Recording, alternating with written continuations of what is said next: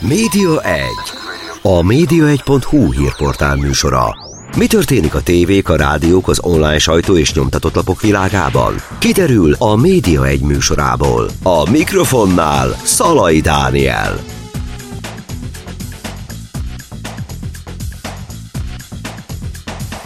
Köszöntöm Önöket, ez a Média 1, a mikrofonnál Szalai Dániel, és a vendégem pedig ezúttal Guttengéber Csaba, az Et Média ügyvezetője. Szia Csaba! Szerbusz, szia! Ugye most el kéne mondanom rögtön azt, hogy ez az et média, mert azért a hallgatók egy jelentős része valószínűleg ezt nem tudja, itt inkább ilyen szakmabeliek vagyunk, akik tudjuk, hogy ez egy mennyire jelentős multimédiás reklámértékesítő ház.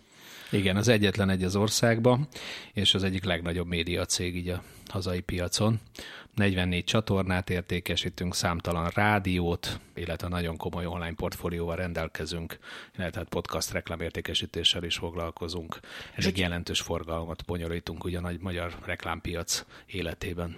Ugye, hogyha el kell benneteket helyezni egy, egy térben, akkor mondjuk a ti konkurenciátok talán az airtime az, a, amit Hát tévében igen, tévében igen, de mondjuk onlineban számtalan online sales house, illetve független online sales house, illetve hát rádióban vannak még más rádióértékesítő cégek, tehát elég sok konkurenciánk van, hogy úgy mondjam. És azért hívtalak be egyébként, mert hogy amiatt, hogy ti egy ilyen multimédiás ház vagytok, tehát ennyi mindennel foglalkoztok, ennyi mindenről tudunk is beszélni, tehát a piacra rá tudunk nézni. Néhány héttel ezelőtt itt beszélgettünk egyébként az MRS elnökével, Gulyás Jánossal arról, hogy hogy alakult a reklámtorta a tavalyi évben. Ebből ti nyilván egy jelentős szeletet ki is hasítottatok magatoknak, és saját bőrötökön is érzitek, hogy ez hogy alakult. Napokban írtuk meg, hogy hogy alakultak a ti árbevételi mutatóitok. Az látszott, hogy volt egy növekedés. Így van. Tehát akkor összességében mondhatjuk, hogy egy jó évetek volt? Igen, szerintem az egész médiapiac azt mondhatja magának, hogy, hogy a 2021 egy jó év volt. Sok szereplővel beszéltem, és ezt magunkra is mondhatnám, hogy, hogy örülünk, ha egy ilyen évet tudunk csinálni az idejébe. Nyilván mindenki növekedésre számít azért, de azért a tavaly év tényleg egy nagyon erős év volt mindenki számára. Én azt gondolom az értékláncban mindenkinek, én azt gondolom ügyfeleknek is, ügynökségnek is, illetve a média tulajdonosoknak egyaránt egy erős év volt. Ez hány milliárdot jelent egyébként árbevételben? Etmédia szinten? Etmédia szinten közel 46 milliárdosok voltunk a tavalyi évben. A növekedés az több helyről jött, nyilván volt egy organikus növekedés a már meglévő portfóliónkon, hiszen hát a 2020-at azért eléggé sújtotta a Covid, és volt egy ö, növekedés televízióban egyértelműen, egy óriási, ezt lehet látni igazából a Magyar Reklámszövetség, illetve azon belül a MEME számokból. Valamint amiért még nőttünk, igazából forgalomban az, hogy tavaly január 1-től a rádiós portfóliónk jelentősen nőtt nagy szereplőkkel. Például a Rádió egy ugye Rádió egy, illetve a Retro Rádió, igen, illetve ami még ebből fontos, hogy a rádió is visszanőtt a 2019-es szintre, és nyilván ebből profitáltunk. És ebből a 46 milliárdból körülbelül hány százalékot tesz ki a tévé nálatok, ezt el lehet mondani? Hát erről nem szívesen beszélek igazából, hogy hány százalékot tesz ki, de jelentős százalékot nyilván egyértelműen. Tehát hát abszolút a core businessünk a televízió. Uh-huh, az a húzó terület. Így van. És akkor a második a rádió? Igen. Harmadik az online akkor? Így van. És akkor van még egy negyedik területetek is, az ilyen egyebek, postai gépek, meg hasonló, ott is vannak ilyen reklámok? Vannak, igen, igen, igen, igen. Azok nagyon kicsik igazából, azokat abszolút azért, amikor elindultunk egy ilyen multimédiás irányba, akkor nézegettük azokat, hogy mi egészíti ki igazából a portfóliónkat bizonyos szektorokba, és azok így nálunk maradtak, és viszonylag jól is működnek, de nagyon marginálisak egyébként összforgalmat tekintve némelyikük, kivéve a Tesco checkpoint, amit értékesítünk, aminek a forgalma azért most már igen csak jelentős, hogy elég kuriózumnak is számít egyébként. És ha már itt tartunk, tervezitek esetleg, hogy nyitok még további uh, irányokba? Én most olyanokra gondolok, hogy mondjuk nyomtatott sajtó felé, nem tudom, van ebben bármi fantázia? Nem tervezünk, nem tervezünk, nem tervezünk. Abszolút megnézzük azt, hogy milyen szinergiák vannak, és azt szerint bővülünk, és ha azért azt lehet látni, hogy az elmúlt három-négy évben azért elég megfontolt bővüléseket hajtottunk végre, tehát átgondoljuk, hogy milyen irányokban vagyunk. Nagyon sok megkeresést kapunk egyébként, nagyon sok új fejlesztést szeretnének, hogy értékesítsünk, de nem mindent vállalunk be, tényleg nagyon szelektálunk. Egyébként ez igaz online-ra is például, hogy nagyon sokan megkeresnek, hogy értékesítsük az ő terméküket, de nem mindenkinek mondunk igent, sőt, inkább többüknek azt mondjuk, hogy nem, mert egyszerűen nem látjuk, hogy a mi portfóliónkba illene. Szisztematikusan építjük föl tematika alapján, hogyan tudunk egy egész kerek elérés alapú, illetve tematika alapú portfóliót építeni, és ha valami nem érik be, azt nem, nem tesszük be közterület felé sem nem. vagytok érdeklődőek? Nem. Nem, nem. Maradunk ezen az elektronikus média irányban. Én azt látom, hogy ebben vagyunk igazából jók. Ez a Sales House modell szerintünk ezekben a kategóriákban működik jól. Printben kevésbé. Ha megnézed, nincs is nagyon print Sales House egyébként Magyarországon. Nem véletlen. Nem véletlen. Ugye eleve nyomtatott sajtóval azért most így vannak komoly gondok is, tehát ott azért nem úgy van a növekedés, mint a többi területen. Gondolom ezért sem érdeklődtök a terület iránt. De a közterület iránt viszont miért nem? Ott azért az egy izgalmas terület. Most is vannak olyan szereplők, akik ott vásároltak a közterületen. Én azt gondolom, ez teljesen testidegen. Tehát az a tudás, az a know-how, amivel rendelkezünk, az nem feltétlenül ültethető át a közterületre. Az egy teljesen más biznisz, más az ügyfél összetétele jelentősen, más megközelítéseket igényel, arra megvannak a speciális speciális cégek, illetve a specialisták, ők foglalkoznak ezekkel. Tehát még egyszer mondom, nem akarunk mindenből harapni. Az, hogy multimédia, az tényleg ezek az irányok voltak már, amikor 2016-ban eldőlt az, hogy multimédia irányába megyünk, hogy a tévét rádióval, illetve online-nal fogjuk kibővíteni, illetve amik körülbelül ehhez kapcsolódhat, illetve a technológia fejlődésével, ami még ehhez kapcsolódik, lásd, podcast és na a pont a, Na igen, pont a podcastről akartam kérdezni, hogy most volt egy olyan mérföldkő nálatok, hogy már nem csak egyébként saleshoz vagytok, tehát nem csak más médiumoknak a felületeit értékesítitek tovább a hirdetők felé, vagy az ügynökségek felé, hanem nektek is lett egy saját médiumotok, ez a podpad.hu. Hogy, hogy tulajdonképpen így nyitottatok ebben az irányba? Hát ez egy kísérlet. Azt láttuk, hogy a podcastban nagy fantázia van, és úgy láttuk, hogy ha most nem ugrunk bele, akkor később már nem érdemes és ezt az üzleti modellt találtuk, illetve láttuk, hogy egy agregátorra van szükség. Egyébként, ha belegondolsz, akkor az etmédiának a modellje az az agregáció, tehát igazából a televíziókat, annak idején a kábeltévéket is agregáltuk szél szempontból, hiába nem mi voltunk a tulajdonosok, és a rádiókban is ugyanezt csináljuk, online portfóliók esetében is. Most itt az a különlegesség, hogy egy technikai platform, ami a miénk, abban agregáljuk igazából ezeket a podcast tartalmakat, mert nem nagyon láttunk hasonlót, hogy meghatározott tematikák témák mentén széles portfólióban összegyűjtsenek uh, ilyen podcastokat, és elinduljanak reklámértékesítés területén. Nagyon sok típusú reklámértékesítést láttunk, illetve reklámbefűzéseket podcast esetében. Ilyet pontosan még nem nagyon, és ezért um, ezt így úttörőnek szántuk ezt a podpedet, és reméljük, hogy ez meg is fog térülni a későbbiekben.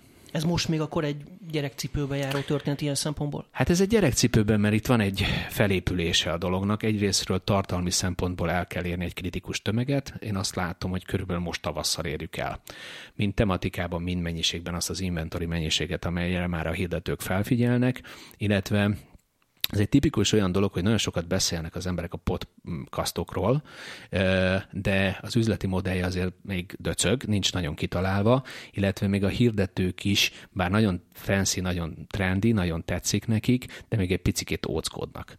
Tehát azért a mai világban nagyon meggondolja mindenki, hogy hol hirdet, hiszen mindenki megtérülés alapon szeretne hirdetni, és olyan területeken, ahol ez nem egyértelműen bebizonyított évek óta, ott azért óvatos. Tehát nekünk egy ilyen úttörő feladatunk van, nem szeretem azt a szót, hogy evangelista, mert, mert ezek már, már lerágott csontok, de körülbelül jól látható az, hogy amennyi amekkora méretet tesz ki a podcast, illetve a podpad az etmédia életében, ahhoz képest sokkal hangsúlyosabban vagyunk jelen ez a, a, ezen a piacon, vagy jó, sokkal jobban hangsúlyozzuk igazából a podcastot, illetve a podpedet.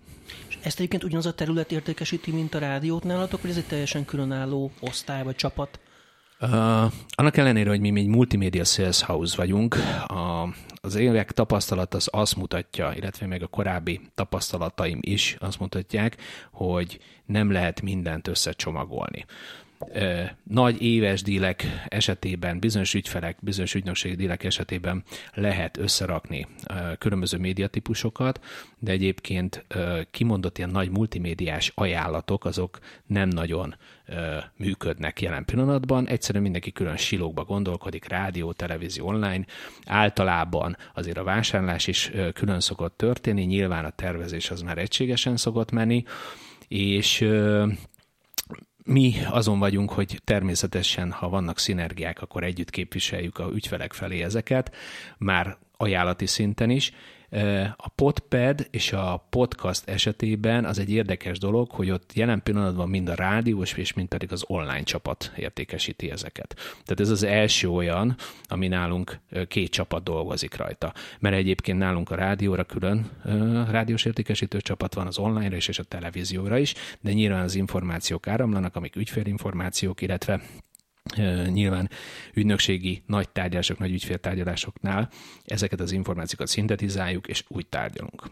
Ugye van is ilyen együttműködés podcast és rádió között. Egyébként ugye akár a mi példánkat is mondhatnánk, hogy a média egy műsor ugye lemegy különböző rádiókban is, de nálatok a podpeden, amik vannak ott tartalmak, van olyan, ami lemegy a, talán a Monna fm -en? Igen. Hogy működnek ezek a dolgok ott? Nem tudok még erről neked nagyon nyilatkozni, ezek még nagyon új dolgok. Majd meglátjuk. Szerintem egy fél év múlva beszélgetünk, vagy jövő össze beszélgetünk erről, akkor sokkal több tapasztalatunk lesz. Ez lehet az irány egyébként, hogy a, a rádiók mondjuk nem gyártanak akár önálló tartalmakat, hanem podcastokból veszik majd, vagy pedig ez csak egy kísérlet? Ez egy kísérlet szerintem. Uh-huh. Ez egy irány lesz. Ez egy kísérlet. Nem, nem, nem gondolom, hogy ez, ez lesz az irány egyértelműen. És egyébként milyennek látod a rádiós piacot? Múlt héten például itt volt velünk Tilos Rádiótól az ügyvezető, és a Klubrádiónak a volt főszerkesztője. Ők kimondottan szomorúnak látták a helyzetet, hogy nem nagyon van pénz, mondták ők. Hát ti azért gondolom ezt máshogy látjátok akkor. Másképp látjuk ezt a dolgot, tehát nyilván az agregáló modell azért jól működik. Tehát a, a hirdetők, az ügyfelek azért nem szeretik elaprózni magukat, ők is egyébként az energiajukat, illetve erőforrásukat azokat nagyon beosztják. Ez azt jelenti, hogy nem fognak minden pici szereplővel leállni, tárgyalni, és erről a pár millió, pár tízmillió forintról éves szinten egyeztetni. Ugyanez volt annak idején mondjuk 2010-ben a, a kábel televíziók esetében, és egy egyesével senkit nem érdekel, de amikor már ezt valaki összerakta, összepakolta, akkor már egy komoly potenciál volt benne, és érdemben lehetett velük tárgyalni, illetve velünk lehetett annak idején tárgyalni, illetve nyilván más szereplőkkel is.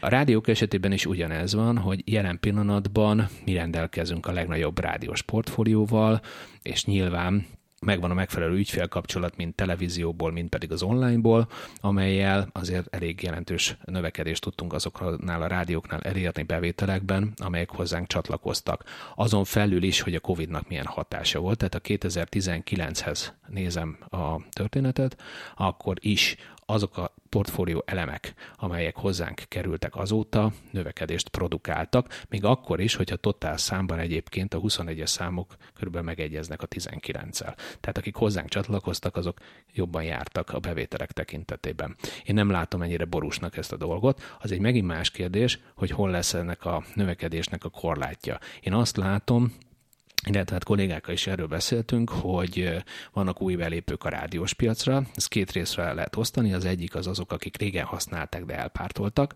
Erről egyébként nagy részt a rádiós iparák tehet, azért, mert az elmúlt években jöttek, mentek a rádiók, a különböző brendek, ezeket próbáljuk most visszacsábítani és nagy sikerrel, illetve vannak tényleg azok, akik elfordultak más médiatípusoktól. Nagyon sok jött el egyébként a közterületről, hirdető a rádióba, hasonló hatásmechanizmus a reklám szempontból, frekvenciát növel, másrésztről pedig bármilyen meglepő, online ügyfelek is átfordultak rádió irányába, nem is kevés.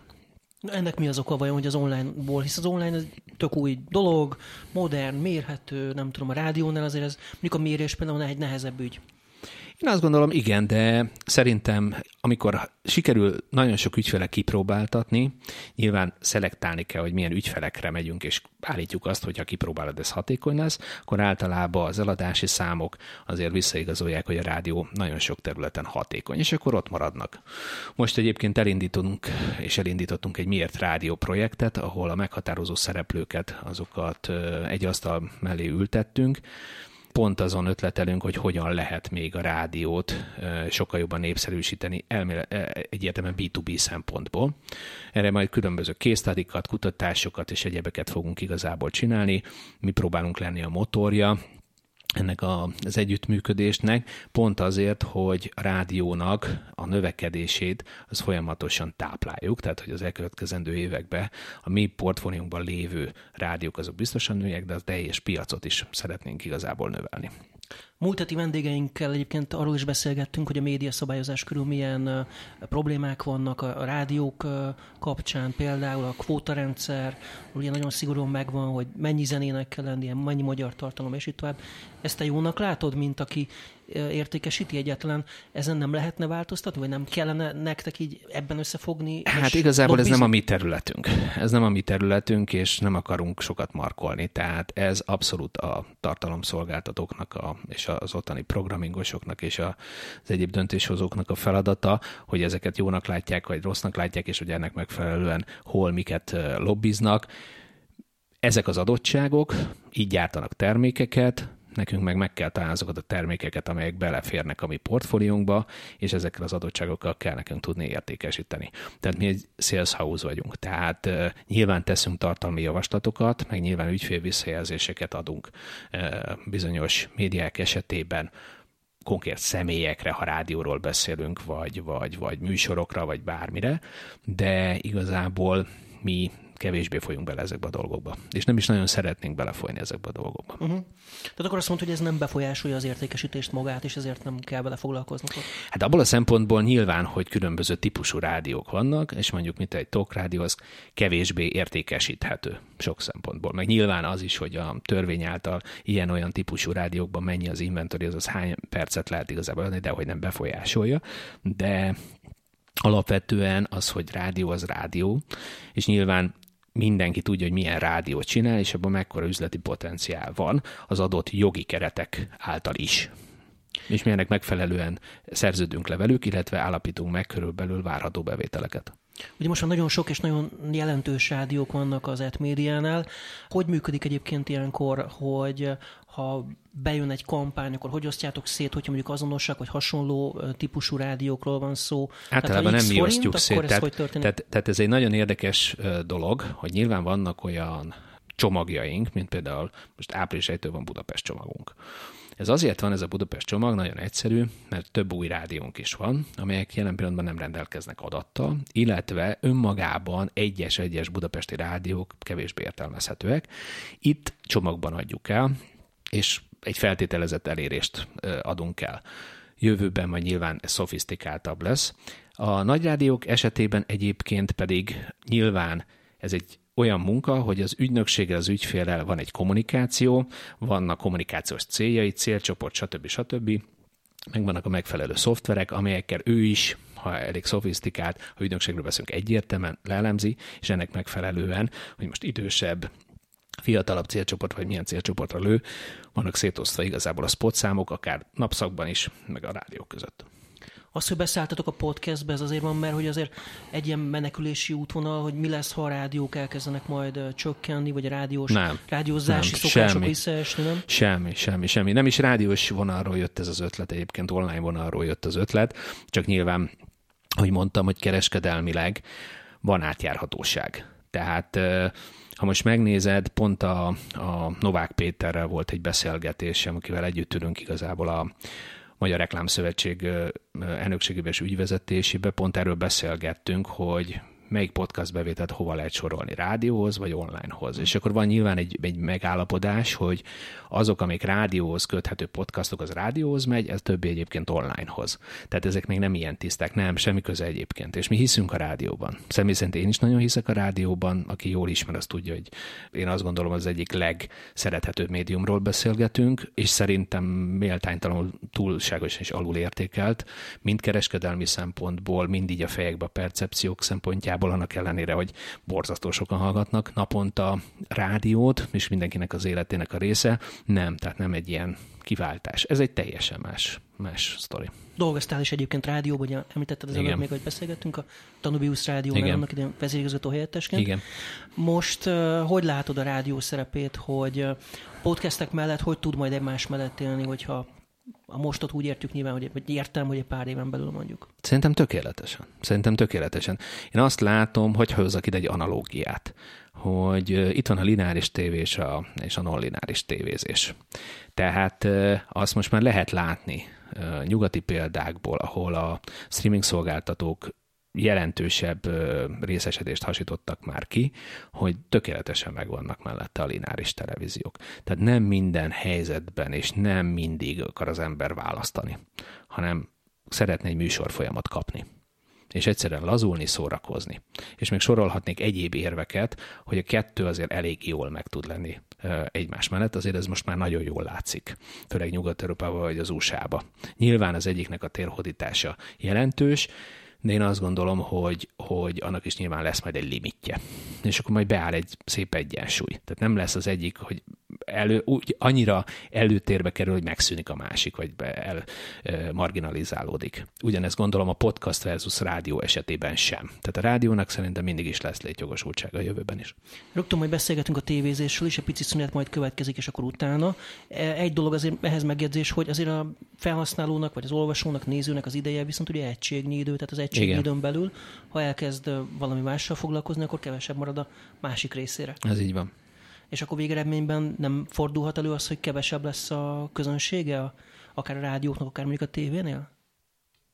Hát figyelj, a számok, számok nem ezt mutatják egyébként. Tehát nagyon érdekes az, hogy éppen voltam egy, egy megbeszélésen, ahol arról beszélgettünk kutatókkal egyébként, hogy, ki, hogy, hogy a, a kutatási adatokból mik jönnek ki, hogy mennyi médiumot fogyasztanak. Ha én ezeket így szépen összeadnám, akkor itt mindenki napi 24 órában külön összességben médiát fogyaszt ami valljuk be nem lehet. Tehát Ebben nyilván benne a mobil is, meg mindent. Tehát a persze, Facebook. tehát nyilván, nyilván itt párhuzamosságok vannak, háttértévézés van, vagy, vagy, vagy egyéb ö, dolgok, tehát párhuzamosan folynak ö, bizonyos médiafogyasztások.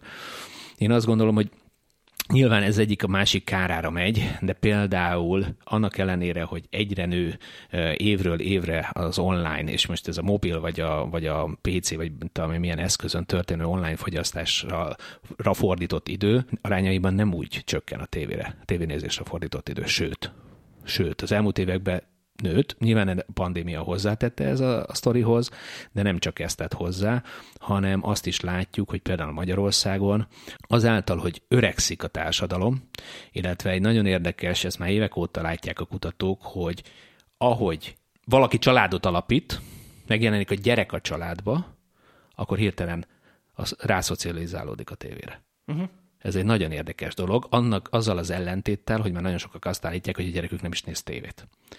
Az lehet, de a szülők elkezdenek. Na innen fogjuk folytatni rögtön a Média egyet, Guttengéber Csabával, az ET Média ügyvezetőjével. Egy pici szünet következik, tehát és rögtön jövünk vissza. Média 1. A média1.hu hírportál műsora.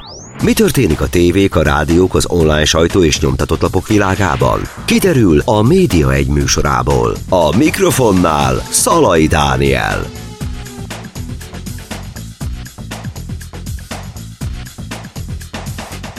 Továbbra is a Média Egyet hallják a kis szünetünk után. Guttengéber Csaba az ET Média ügyvezetője a vendégem, és az imént ott hagytuk abba, hogy média használati idők, egyetem hogy alakulnak, elvesz-e időt a, mondjuk a Netflix akkor a tévétől, vagy a podcast a rádiótól, és ha jól értem, Csaba, akkor azt mondod, hogy végülis a média használatra fordított összidőnk az növekszik, tehát ezért, ezért van az, hogy nem veszel az egyik a másikból elvesz, csak sok mindent párhuzamosan is végzünk, de összességében igen, egyre több médiát fogyasztunk, igen, lehet ezt mondani.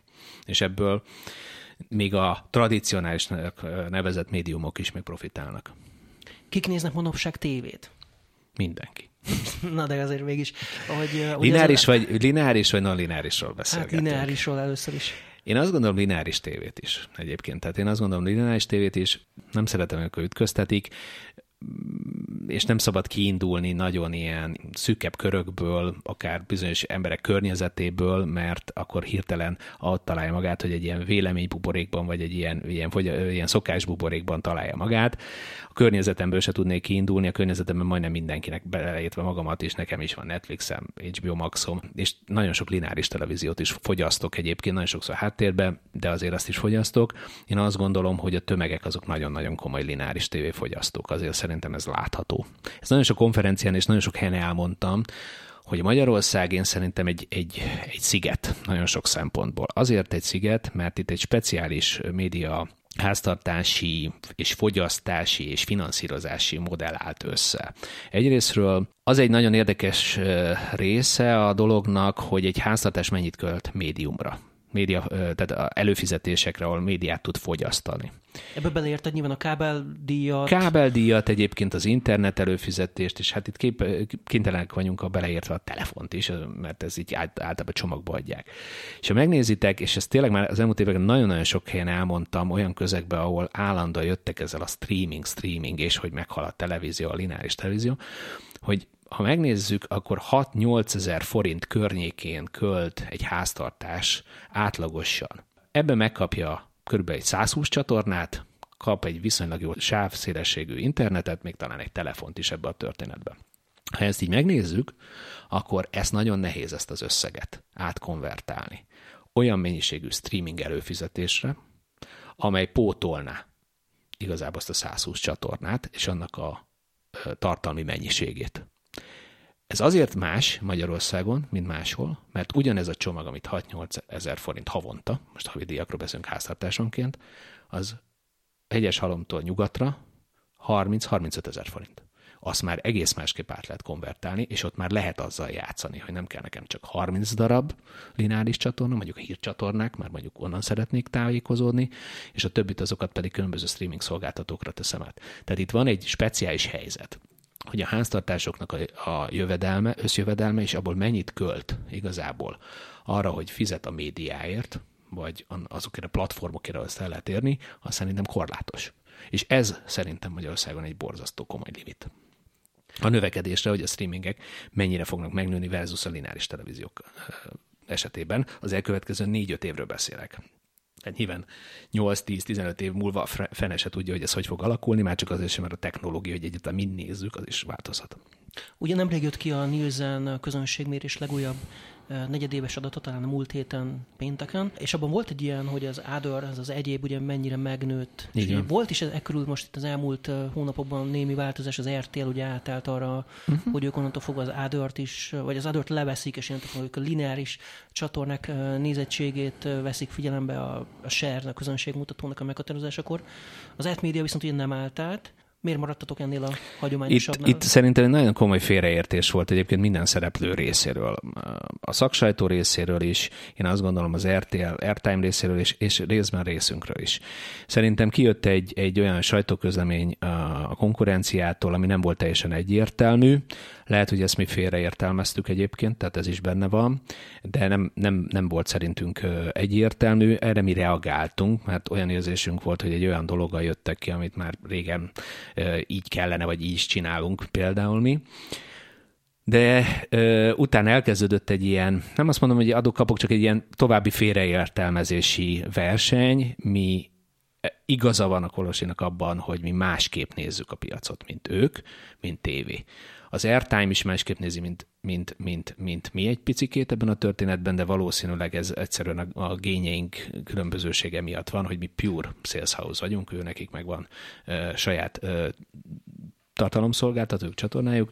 A lényeg a lényeg, hogy mi egyébként alapvetően piacot azt úgy nézzük, hogy miután reklámot értékesítünk, magát a reklám értékesítési piacon résztvevő csatornáknak az elérését és adataikat nézzük, és az a, az a csatorna szám szerepel, azoknak a serei, azoknak az elérései.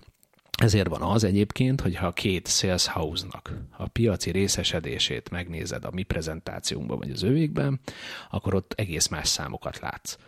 Tehát nálunk van egy ilyen 51-49, most mondtam egy példát, ott meg van egy mondjuk, mit tudom én, 42-36, meg ilyenek, mert ott még más dolgok is beleszámítanak, olyanok, ahol éppen nincsen reklámértékesítés ebben a, a dologban. És akkor nyilván ezt megcsavarja az, hogy ebben a miket teszünk még hozzá.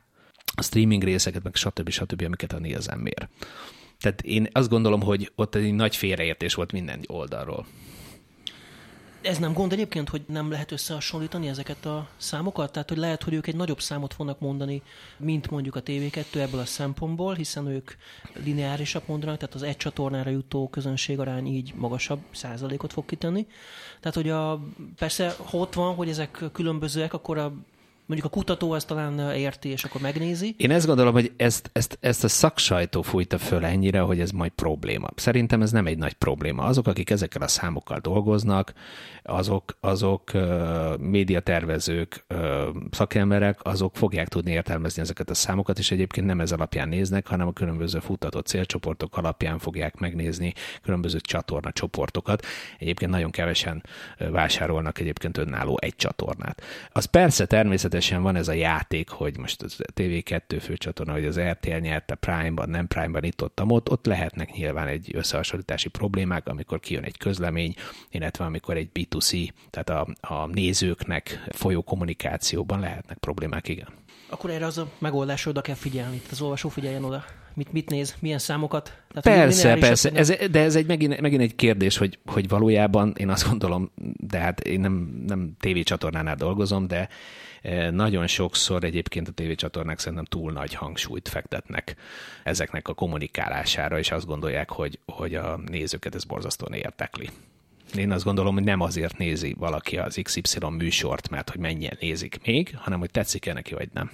Egyébként a méréssel mennyire vagytok megelégedve. Pár éve volt arról szó, még a Nielsen felé voltak ilyen igények, hogy meg kéne ezt reformálni egy kicsit, aztán némi változás azért történt, hogy mondjuk a panel mérete az hát meg. A panelt azt növelték, igen, a panelt azt növelték, át is struktúrálták. Mi elégedettek vagyunk. Én azt gondolom, hogy egy nagyon komoly piaci konszenzus van, mind hirdető, mind ügynökség, mind pedig média tulajdonosi oldalról, hogy a Nielsen az egy jó mérést biztosít számunkra ez egy currency, amit kiadnak, az EQGRP, a GRP, és ez teljesen elfogadott. Én, én, én nem gondolom. Persze mindig lehet mit fejleszteni, meg ez egy technikai sport, folyamatosan előre kell haladni, csak itt mindig feljön az a kérdés is, hogy ezt ki fogja finanszírozni.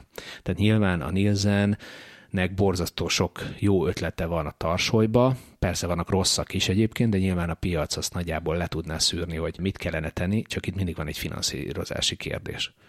Tehát a világ pénzét el lehetne költeni egyébként bármelyik médiumnak a mérésére, és akkor egészen személy szerint emberekre lehetne mérni, csak nincs ennyi pénz, és nem is éri meg. És egyébként igény sincs nagyon erre. Világos.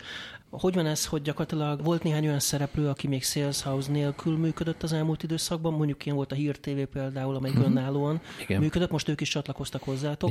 Ezek szerint ma már nem nagyon bírja magát értékesíteni egy-egy csatorna, tehát az ma már nem, nem életszerű, hogy, hogy önálló meghagyják? Ez ugyanaz, amit előbb meséltem neked, vagy mondtam neked a rádiókkal kapcsolatban. Tehát ott, hogy ilyen nagyon pici rádiókkal tárgyaljanak hirdetők vagy ügyfelek, egyszerűen nincs erőforrás rá. Tehát ők is, még egyszer mondom, erőforrást optimalizálnak. Ez, ez az oka. Tehát nyilván, ha van két nagy piaci szereplő, aki a hírtévén kívül minden egyéb ö, televíziót ö, értékesít, az, az nekik nagyon komoly hátrányt jelent. És nyilván felfogták, hogy, hogy abba az irányba kell menni, hogy csatlakozni kell valamelyikhez, és akkor várhatóan meg fog nőni a bevételük. Ez ilyen egyszerű. Mennyien vannak még, akik nem csatlakoztak egyikhez sem? Hát sokan vannak. Nagyon sokan vannak. Nagyon sokan vannak. Hát most nem akarok számokat mondani, mert ebben uh, mindig vita van, hogy pontosan mennyi, ilyen 118-120 magyar nyelvű csatornát sorol körülbelül, de lehet, hogy párral többet. Ez mindig így, ezt mindig update kéne szerintem így, így havi szinten, uh, amennyit a, a nézen uh, mér, és körülbelül egy ilyen 80 csatornán van reklámértékesítés nagyságrendileg. Többiek miből élnek? Hát a többiek azok kábelbevételekből élnek, és van nagy többségük régiós jogokkal rendelkezik, porlasztják az országok között, és maga a kábelbevételük az, ami biztosítja ezeket a bevételeket. A magyarok tévéfüggők, ezt kijelentetjük, ugye? Ez így van. Hogy lehet ez, vagy miért van ez, hogy ennyire, ennyire magas a, a magyar tévénézési idő, ez az 5 óra körüli, meg hasonló? Hát ez célcsoporttól függ, hát vannak olyan célcsoportok, idősebb célcsoportok, hogy 8 óra, és azt is meghaladja. Ez, ez abból fakad, amit mondtam, hogy annak idején, amikor bejöttek a kábel szolgáltatók, akkor egy olyan értékesítési modell volt, hogy egy tömegértékesítés volt. Egyre nőttek a, a csatorna számok, és a magyar ember mennyiségre vásárolt, és akkor minél több csatorna legyen benne abba, amit én, mit abba 3000 ezer forint, mit tudom én, mennyi volt annak idején. És akkor iszonyatos tartalomhoz jutott hozzá az adott ember, relatíve másokkal összehasonlítva viszonylag olcsó áron, és rászoktak az emberek erre. És nézik, folyamatosan nézik. Ennyi. Szerintem, szerintem ez így valahogy, valahogy így szocializálódtunk főleg a rendszerváltás után, hogy olyan dömping van, és mindenben. És ráadásul, ráadásul, ha megnézed, nagyon sok, má, ö, nagyon sok minden másképp alakult evolúciósan az elmúlt 30 évben rendszerváltás óta. Konkrétan például az, hogy Magyarországon a sporttartalmakat, a menő, nagyon komoly jogdíjakat kérő sporttartalmakat is ingyen lehet megnézni vagy ezért az előfizetési díjért. Ez azért Amerikában, nyugat nagyon nincsen így. És ez a 8 óra, meg a 4 óra, meg 6 hasonló, ugye csoporton, célcsoportonként ugye eltérő, ez mennyire, mennyire tartod valósnak, tehát ebből a háttértelevíziózást, ha levesszük, akkor mennyi, tehát amikor ott felejtik a tévét, vagy, vagy ilyen félig meddig nézik, amikor konyhában Biztos, hogy sül a virsli, akkor közben. Biztos, hogy ilyen is van, persze. Persze. lehet ebből? Persze, de, de ennek igazából nincs sok relevanciája, mert uh, a nézettséget azt azért mérik, mert kereskedelmileg fontos. Én azt gondolom. És kereskedelmileg, ha nem lenne hatékony a televízió, akkor ki lehetne mutatni, hogy 8 órát, 10 órát vagy 24 órát tévéznek, akkor sem hirdetne rajta senki. Tehát ezért mondom, hogy önmagában ezek a számok így nem sokat jelentenek.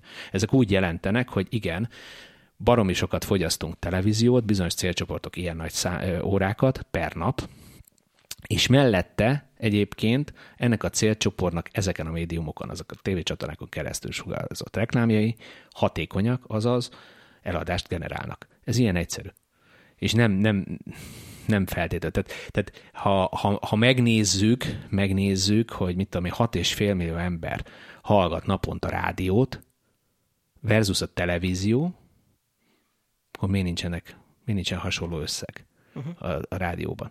Ennek image problémái vannak, az előbb elmondott, hogy nagyon sok ö, rádió jött-ment, illetve nem mindenre jó a rádió. Ez ilyen egyszerű. A tévé az meg a legtöbb olyan termékre, amely nagy volumenekkel van a hirdetési piacon. Itt az FMCG, OTC, retail a legjobb eszköz jelen pillanatban, még az online-nál is. Tehát mondjuk egy élelmiszerreklámot, vagy egy kozmetikai szert, azt inkább akkor tévében. Hát mert vizuális. Mert ott látszódik, igen. Vizuális. Vizuális, és oda teszik eléd. Az online ezt azért nem teljesen tudja. Uh-huh. A rádió meg nem tudja, mert nem vizuális. Bár az online-ban viszont ott azért meg tudja mutatni, tehát ott tud ilyen mozgó bannereket betenni. Hát azért szerintem az nem ugyanaz. Szerintem az nem ugyanaz. Tehát a tévének, tévének itt, itt, itt van az ereje. És ezért mondom, hogy ezek a számok így önmagukban nem jelentenek semmit. Sokat fogyasztunk televíziót, borzasztóan. Sokat fogyasztunk televíziót, és szerintem hosszú éveken át, tehát négy-öt éves időszakban biztos, hogy ez elmondható, hogy sokat fogunk fogyasztani. Beszéljünk egy kicsit az online-ról, egy nagyon fontos terület ez is, és hát most kicsit méltatlanul kevesebb beszéltünk azért eddig erről, bár a podcastek meg sok mindenben az ugye érintettük. Hogy látod, hogy a külföldiek, Facebook, Google, ugye ez óriási nagy pénzeket visz el innen a magyar reklámpiacról, tehát szívja el a a pénzeket, nyomja le az árakat, talán azt is lehet mondani, bár legalábbis ez pár éve így volt, nem tudom, most ez mennyire mhm. érzitek meg, de gondolom, hogy igen. Hát itt az, az történt, az történt, hogy ha most megnézed az MRSS számokat, akkor durván 300 milliárd a magyar uh, médiapiac, szigorúan vett médiaköltések alapján, tehát ez a média torta. Ebből körülbelül egy olyan 101-2 milliárd az, amit a nemzetközi szereplők kapnak, ez Facebook és a Google, és körülbelül egy ilyen 53-54 milliárd forint az, amelyik a hazai digitális forgalom.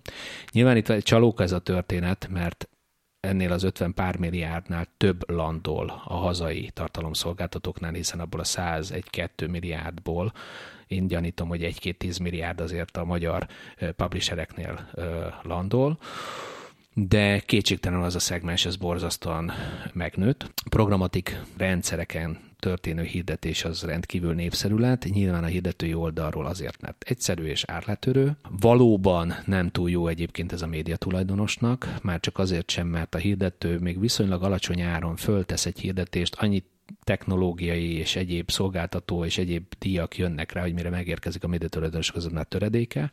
De hát most ez a trend. Tehát ez a, ez a, ez a trend, és igen, látjuk azt, hogy borzasztóan megborult az elmúlt években, évről évre a teljes hirdetésből, a, ha egy magyar tartalomszolgáltatóról beszélünk, egyre nagyobb arányban ez a programatik jelenik meg. Ráadásul az ügynökségek a nagy hirdetők esetében is elkezdték használni ezeket, úgynevezett private dealeken keresztül. Mm. Nyilván ennek mind-mind árletörő hatása van. Ez nem túl jó valóban. És ez a fajta árletörés, ez, ez mennyire súlyos? Tehát, hogyha most valaki, nem tudom én, indít egy lapot, vagy egy már meglévő lap, akkor uh, költségeit, profitot mennyire tudja ebből kitermelni, mennyire, mennyire nehéz manapság. Szerintem nagyon nehéz. Szerintem nagyon nehéz. Reklámbevételre építeni egyébként egy bárhol, bármilyen típusú médiumot, és ez nem csak online-ban, e, és úgy elindítani. És az, hogy, hogy, hogy rövid időn belül reklámból az megtérüljön, az szinte lehetetlen. Tehát ez egy nagyon komoly investíciós időszakot igényel, nagyon sok bukást láttunk online-ban, meg főleg. Ez egy ilyen biznisz ti, mint, mint az etmédia, a hirdetők, illetve hát az ünnökségek felé, amikor kommunikáltok, akkor próbáljátok őket egyébként így győzködni, hogy hát ne vigyétek el a Facebook felé, és mivel tudjátok ilyenkor győzködni? Ha ez végigmegy ez a folyamat, akkor gyakorlatilag a, a, a média bajban lesz, hát nem lesz annyi pénze. Hát nagyon érdekes, mert szerintem a helyi ügynökségek nem érdekeltek abba, hogy Facebook és Google legyen. Mert egyszerűen nekik sem éri meg. Mert nem keresnek rajta annyit, mint hogyha ha másik útvonalon hirdetnének tradicionális útvonalakon, tradicionális médiában. Ők nem happy ettől, nyilván ez a trend, az ügyfélnek van egy ilyen igénye, és ezt ki kell szolgálni. És az ügyfél két dologban, mert nyilván bizonyos termékekre jó eladásokat produkálnak ezek a felületek. Nyilván az ár egy meghatározott történet, és trend is van. Tehát azért a trendet sose felejtsük el, hogy, hogy, hogy nagyon sok marketinges döntéshozónak a fejébe ezek az eszközök, illetve ezek a felületek azért túl reprezentáltak.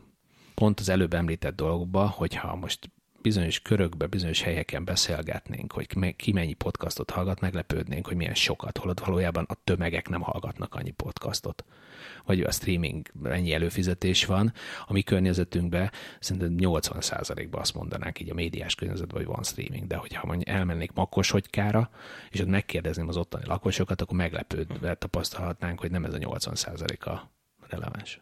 Hát gondolom azt kérdeznek, hogy hú, az mi? Így van, így van. Tehát ezért mondom, hogy nem, nem, nem ebből kell ítélni, és nyilván, nyilván a marketinges döntéshozók is ráülnek ezekre a trendvonalakra, és ezeket szeretik meglovagolni. És van bármilyen kezdeményezés, akár nektek, akár ugye a piacon, amivel a hirdetőket próbáljátok egy kicsit terelni vissza ebbe a klasszikusabb láncba, valahogyan őket tudatni arról, hogy Ez csak hatékonysággal lehet. Tehát én azt gondolom, ez csak hatékonysággal lehet. De ezt az elmúlt időszakban azért nagyon, ezt nemzetközi sajtóban is lehetett látni. Tehát nyilván vannak minőségi mutatók, amelyeket nem feltétlenül tudnak ezek a nemzetközi szereplők biztosítani. Ez nagyon felértékelődött az elmúlt években. A hazai tartalmak azok, azok azért brand tartalmak általában, és ez nagyon fontos. Nagyon sokak, akik x évvel ezelőtt átfordultak erre a Facebook, főleg a Facebookos megjelenésekre, észrevették azt, hogy lehet, hogy eladást lehet növelni, de például brandet nem lehet felépíteni, illetve a brand értéket nem lehet növelni. És visszatértek. Tehát azért mondom, hogy nincsenek ilyenek, hogy most akkor ezt használjuk, vagy azt használjuk, hanem akik nagyon elmentek abba az irányba, azok szépen vissza is jöttek jelentős mennyiségben. Tehát nem, nincsenek csoda médiumok, hogyha ezt használod, akkor minden termékre, minden szolgáltatásra, mindenféle kommunikációra jó. Vannak, amikor erre valaki ráül, általában meg, meg szokták égetni magukat. Másik ö, példa, bár ez nem ezben a platformos történetben, nagyon-nagyon komoly tanulsága volt a 2020-as évnek az, hogy amikor jött a pandémia, és kitört a pánik, akkor nagyon sok brand, nagyon sok cég teljesen nullára vágta a kommunikációját. Most már Ez tudjuk... tévében is olyan megfigyelhető volt Igen. időben, nem voltak tévéreklámok. Most már tudjuk, hogy azok a cégek, akik ott hónapokat kihagytak, mekkora komoly brand, ö, ismertségi, illetve később értékesítési problémába kerültek, és most sokkal többet kell investálniuk, hogy visszahozzák, mert a- konkurenciák mondjuk bemaradt a tévében vagy a médiában, teljesen mindegy, reklám szempontból, az nagyon komoly előnyre tett szert. És ez ebből a szempontból egy nagyon tanulságos időszak volt, tehát ha ki kell emelni azt, hogy mi volt ebben a jó kereskedelmi reklámkereskedelmi szempontból ez, hogy ezt megtapasztalták nagyon-nagyon sokan, és talán, hogyha most lesz bármilyen válság, akkor talán nem lesznek már ilyen nagyon durva visszafogások bizonyos ügyfelek esetében. Ilyen környezetben ti hogy tudtok növekedni? Tehát azt láttam a jelentésben, hogy külföld felé elindultatok, lett több leányvállalat, ezt meg is említettük a hírben, például Szlovénia, Macedónia, és még nem tudom még hol is. Szlovénia, Észak-Macedónia, eh, Szerbia és Horvátország, ezekben, eh, ezekben nyitottunk igazából leányvállalatokat. Ezeket azért nyitottuk, mert tehát Magyarországon nagyon sok eh, csatornát képviselünk, ebből több nemzetközit, akiknek ott is van érdekeltségük, és nyilván beszélgettünk velük arról, hogy nagyon szívesen működnének együtt a jó tapasztalatok kapcsán, illetve más szereplőkkel is tárgyaltunk. Csak nagyon nehéz bekerülni egyébként egy új országba, illetve itt nem is az, hogy most összeszedni egy portfóliót, hanem egy kritikus tömeg portfóliót összeszedni. És ez az, ami nagyon nehéz, de addig nem tudod összeszedni, amíg nincsen ott céged. Uh-huh. Tehát ez nem úgy van, hogy majd, majd összeszedem, és akkor csinálok rá egy céget, és most ebbe, ebbe mentünk bele, nagyon komoly szereplőkkel, már meglévő szereplőkkel, illetve csatorna partnerekkel és új csatorna partnerekkel tárgyalunk különböző országokba. Reményeink szerint valamelyik országban lesz is belőle valami, legkorábban 23-ba, de az se biztos, hogy így lesz. De igen, ez egy abszolút cél. Tehát Magyarországon nem látjuk azt a növekedést, amit, amit tehát már elértük azt a méretet, hogy nagyon nincs hova tovább növekedni. Pontosabban lehetne még, Akkor a konkurencia tól elhozva. kon- konkurenciától elhozva, de nem minden áron akarja az ember elhozni a konkurenciától, mert üzletileg az nem biztos, hogy kifizetődő. Az, hogy nagyobb vagy, az nem biztos, hogy üzletileg jó, mert egyszerűen olyan garanciákat, olyan pénzügyi dolgokat kell teljesíteni, ami összességében az média üzleti célt nem, nem szolgálja. Ezért külföldre megyünk. Nem csak ezek az országokra lövünk, jelen pillanatban is még van két ország, amiben gondolkodunk, pontosabban az egyikben már nem, hogy gondolkodunk, hanem már nagyon komolyan előre haladott tevékenységünk van, remélhetőleg egy-két héten belül már publikálhatjuk is. Várjuk a bejelentést. Így van. Gyakorlatilag ez azt jelenti, hogy tévében is, rádióban is és onlineban is mennétek külföldre, vagy ez főleg tévét jelent? Igen. Minden. Minden. Kompletten. Minden. Minden kompletten, és minden típusú médiatulajdonossal egyeztetünk paralel. De még egyszer mondom, nagyon nehéz bemenni ezekbe az országokba, és nagyon nehéz a kritikus tömeget. Ha nincs kritikus tömeg, akkor az hosszú éveken keresztül csak finanszírozandó. Uh-huh. Mert, mert évek, mire ezek a szerződések is egyébként, tehát a Sales House szerződések két-három évekre kötődnek. Tehát ki kell azt finanszírozni ezeket az időszakokat, hogy újakat tudjál. Tehát ezt nagyon okosan kell igazából összerakni. De valóban a bővülés az az, hogy a régiós szinten, illetve különböző országokban nem feltétlenül a régió, megyünk előre, mert azt látjuk, hogy az a modell, amit mi itt összeraktunk etmédiaként 2010 óta, az borzasztóan jól működik, és borzasztóan kelendő egyébként, és ezt a nemzetközi partnereink, illetve a hazai csatornák is egyébként visszaigazolják, és ez abszolút exportálható. Milyen kihívások vannak most előttetek? Mik a legnagyobb megoldandó feladatok? Húha, hát én azt gondolom, azt gondolom, hogy a legnagyobb megoldandó feladat az az, hogy lássuk a jövőt, és viszonylag a közeli jövőt. Itt van, ez, Háború? itt van ez a háború, Infláció? itt van ez a há, pont, pont ezek, itt van ez a háború, itt van ez az infláció, itt van a alapanyaghiány, áruhiány, autóhiány, és még sorolhatnám, amit napi 24 órában kapunk az arcunkba, hogy, hogy micsoda Armageddon lesz. Én azt látom, hogy mind a hirdetőkben, mind az ügynökségekben, tehát a partnereinkben van egy olyan hozzáállás, hogy valamikor ennek lesz egy negatív következménye. Valaki már azt mondja, hogy év második felébe, valaki azt mondja, hogy 23-ba. Jelen pillanatban mi, mint etmédia nem látjuk ennek a nyomát. Se az első tévében már beszéltek majdnem az első fél évről, jelen pillanatban a rádióban se látjuk, és onlineban se látjuk, de azért mi is feltételezzük, hogy az a pénzáradat, ami így a, a választás körül volt, lassan elfogy az embereknél, nyilván itt közel 10%-os inflációról beszélhetünk, és tényleg nagyon sok szektort nagyon keményen megüt igazából a, az alapanyag, nyersanyag és az egyéb, egyéb hiány, hogy ennek biztosan lesz valami következménye az ősszel. Arról nem beszélve, hogy nyilván látjuk azt, hogy, hogy a gazdaságot, és nem csak a magyar gazdaságot, hanem egész Európa gazdaságát nagyon megviseli ez a szituáció, mind az infláció, mind pedig a háború.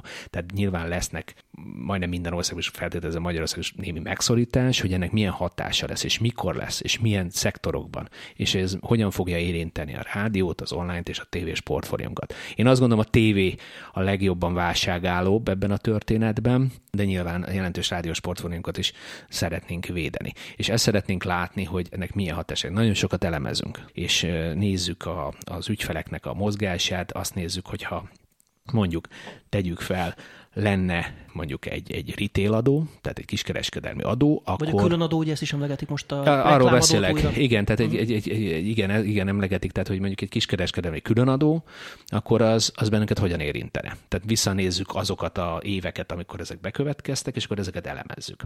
Ez a legnagyobb kihívás. De szerintem most itt hétről hétre, hónapról hónapra gondolkodik mindenki, de nekünk azért ezt kéne látnunk. És ugyanezt a reklámadóval is? Tehát ott is tartotok attól, hogy lesz reklámadó? Én azt gondolom, hogy igen, tartunk ettől, hogy reklámadó lesz, bár nem mi tartunk ettől, hanem a partnereink. Tehát bennünket ez kevésbé érint. Tehát ez a partnereinket fogja sújtani, hiszen a médiaszolgáltatókra helyezik rá ezt az, az adót akárkivel beszélek, mindenki úgy gondolja, hogy, hogy ez a felfüggesztés, hiszen most is van, csak fel van függesztve, de 31 0 százalék, 0 százalék, így van, hogy ebből lesz valami, nyilván ők aggódnak. És az, az, az nem jó egyébként, mert uh, nyilván valahol azt a pénzt vissza akarják látni, és akkor nyilván az egyik az az, hogy vagy a kábelszolgáltatótól a tévéről beszélünk, vagy pedig a vagy pedig kereskedelmi oldalról, ami meg egy ilyen környezetben nagyon-nagyon nehéz, és akkor nyilván érdekes beszélgetések vannak a partnerekkel, mondjuk szerződés hosszabbítások esetében, vagy egy target meghatározásánál, hogy a következő egy évbe, két évbe mi legyen. És akkor ti készültök erre, hogy lesz? Készülni nem nagyon tudunk erre készülni, a partnereink erre készülnek, igen. Én azt gondolom, hogy, hogy komoly topik és folyamatosan beszélnek erről a, a dologról. Még egyszer mondom, nekünk a nagy kihívás, hogy az, hogy lássuk az év végéig milyen folyamatok zajnak le a különböző gazdaság és egyéb előmondott hatások alapján a reklámpiacon. Plusz 23 hogy ott, ott mi fog. Ez a legnagyobb kihívás. És most, most jelen pillanatban szerintem senki nem tudja, de valahogy mégis meg kell becsülni, mert valami irányvonalat, meg valamit kell mondanunk, meg valami alapján meg kell tárgyalni 23-at. Tehát most van egy elég jelentős TV áremelési slung, uh-huh. ami egyébként már korábban elkezdődött, csak a Covid azért oda vágott ennek a történetnek. Nyilván mind a tévétársaságoknak, mind a szélszázaknak érdeke, egyébként egyéb médiumoknak is, hogy a tévéárak emelkedjenek az a kérdés, hogy ebben a környezetben ez hogyan megvalósítható, vagy hogyan nem megvalósítható. Például ilyen kérdésekkel kell foglalkoznunk 23-ba. Bízunk benne, hogy megvalósítható, mert egyébként bármennyire is furcsa, közép és hosszú távon hirdetőnek is érdekel ez a, ez a dolog, és még egyszer mondom, minden más médiatípusnak is, nem csak a televíziónak. Ugye itt az infláció azért is érdekes, hogy például az előbb beszéltük ezt a 46 milliárdos árbevételeteket, Igen. de beszélhetünk ugye reklámtortáról is, és ott ugye Gulyás János el is mondta, hogy a, az infláció elvitte a növekedést valójában. Tehát ez egy Abszolút. Ilyen papíron nőtt, de valójában meg, meg nem ez nálatok, és így akkor elvitte ezt a növekedést, vagy itt azért nagyobb volt a növekedés? Hát nálunk ezt így nem lehet értelmezni, hogy nem vitte el, mert a mi esetünkben ez így nem lehet értelmezni. Abban az esetben lehet értelmezni, hogy mondjuk, ha megnézzük barterekkel együtt, 75 milliárdosra mutatta ki a televíziós piacot, reklámpiacot a meme, e fölött a Magyar Reklámszövetségnek a média tortája. Ez azt jelenti, hogy a 2008-2007-es szintre jött vissza. Tehát a, nagy világgazdasági válság előtti időszakra jött vissza. Na most ez egy tök jó hír, mert eddig nem tudott idáig visszakapaszkodni, csak hát ha megnézzük azóta mennyit inflálódott minden, akkor valóban reál értéken nincsen ott. Csak összvolumenében. Illetve az, hogy e, akkor hány csatorna állította ezt elő, uh-huh. most hány csatorna állította ezt elő. Aha. De így... nőtt a csatorna szám közben. Persze, persze, persze, persze, persze. Most a mi életünkben, tehát hiába vagyunk ekkora forgalommal, mi ennek a jutalékából élünk, tehát a valós bevételünk ennek a jutaléka, nyilván nekünk is megnőttek a költségeink, ami nyilván az segít, hogy a forgalmunk is megnövekedett effektíve, de és nyilván sújt bennünket is, mint céget, a, a infláció, mint mindenkit. De az, hogy az, hogy az a 46 milliárd, az kevesebbet érjen, mint mondjuk három évvel ezelőtt, igen, ha így nézzük, a teljes kimutatások alapján persze. Gutengeber Csabával, az Etmédia ügyvezetőjével beszélgettem. Köszönöm szépen, Csaba, hogy bejöttél. Én is nagyon szépen köszönöm a beszélgetést. Ez volt a Média egy, egy hét múlva jelentkezünk ismét. Visszagadható az adás a Spotify-ról, iTunes-ról, média1.hu-ról, webcast.hu-ról és megismétli több mint tíz rádió. Köszönöm tehát a megtisztelő figyelmüket, egy hét múlva folytatjuk viszont hallásra.